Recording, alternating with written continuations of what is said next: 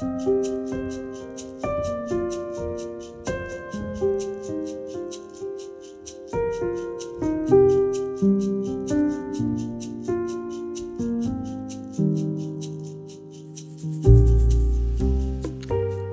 er 2021, og vi ser fram til hva som venter oss med håp og forventning. Eller gjør vi det? Kanskje det starta litt bratt også dette året, når vi ser at eh, koronaen fortsatt skal få prege oss og begrense hverdagen vår. Noen er i risikosonen, andre er redde for jobbene sine. Andre er rett og slett bare veldig trøtte av at hverdagen skal være preget av dette enda mer. Og for noen kan kanskje vinterdepresjonen melde seg, enten som en svak følelse eller som noe som, eh, som lammer oss. Da kan jeg kanskje dele noen håpsord med dere. Jeg har delt fra boka 'Gi mine øyne lys' tidligere. Nå vil jeg lese litt for deg fra eh, en gjennomgang av Salmenes bok, Salme 13. Hvordan kan møtet med denne salmen kanskje være gjenkjennelig for deg der du er?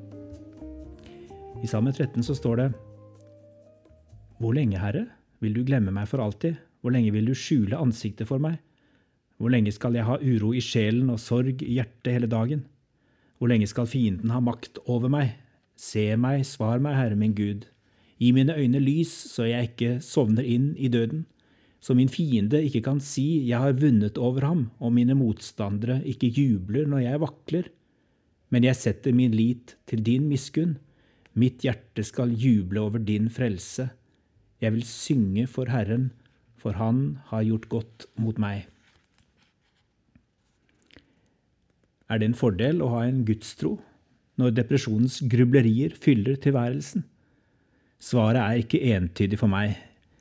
I det mørke dypet har jeg til tider tenkt mer på Gud som en del av problemet enn som en ressurs. Jeg har kjent meg igjen i salmen. Det er som om Gud skjuler ansiktet sitt hvis jeg i det hele tatt fortsatt kan tro at han finnes.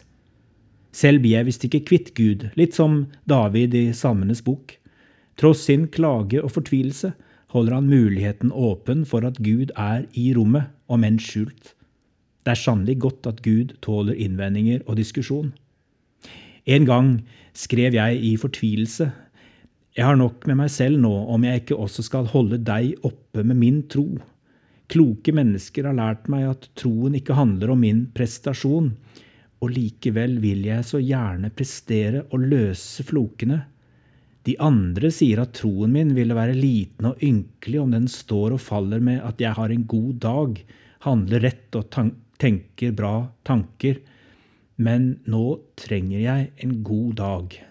Jo da, jeg er takknemlig for at jeg slipper å bære deg, Gud, men kan du bære meg litt nå, sånn at jeg virkelig merker det?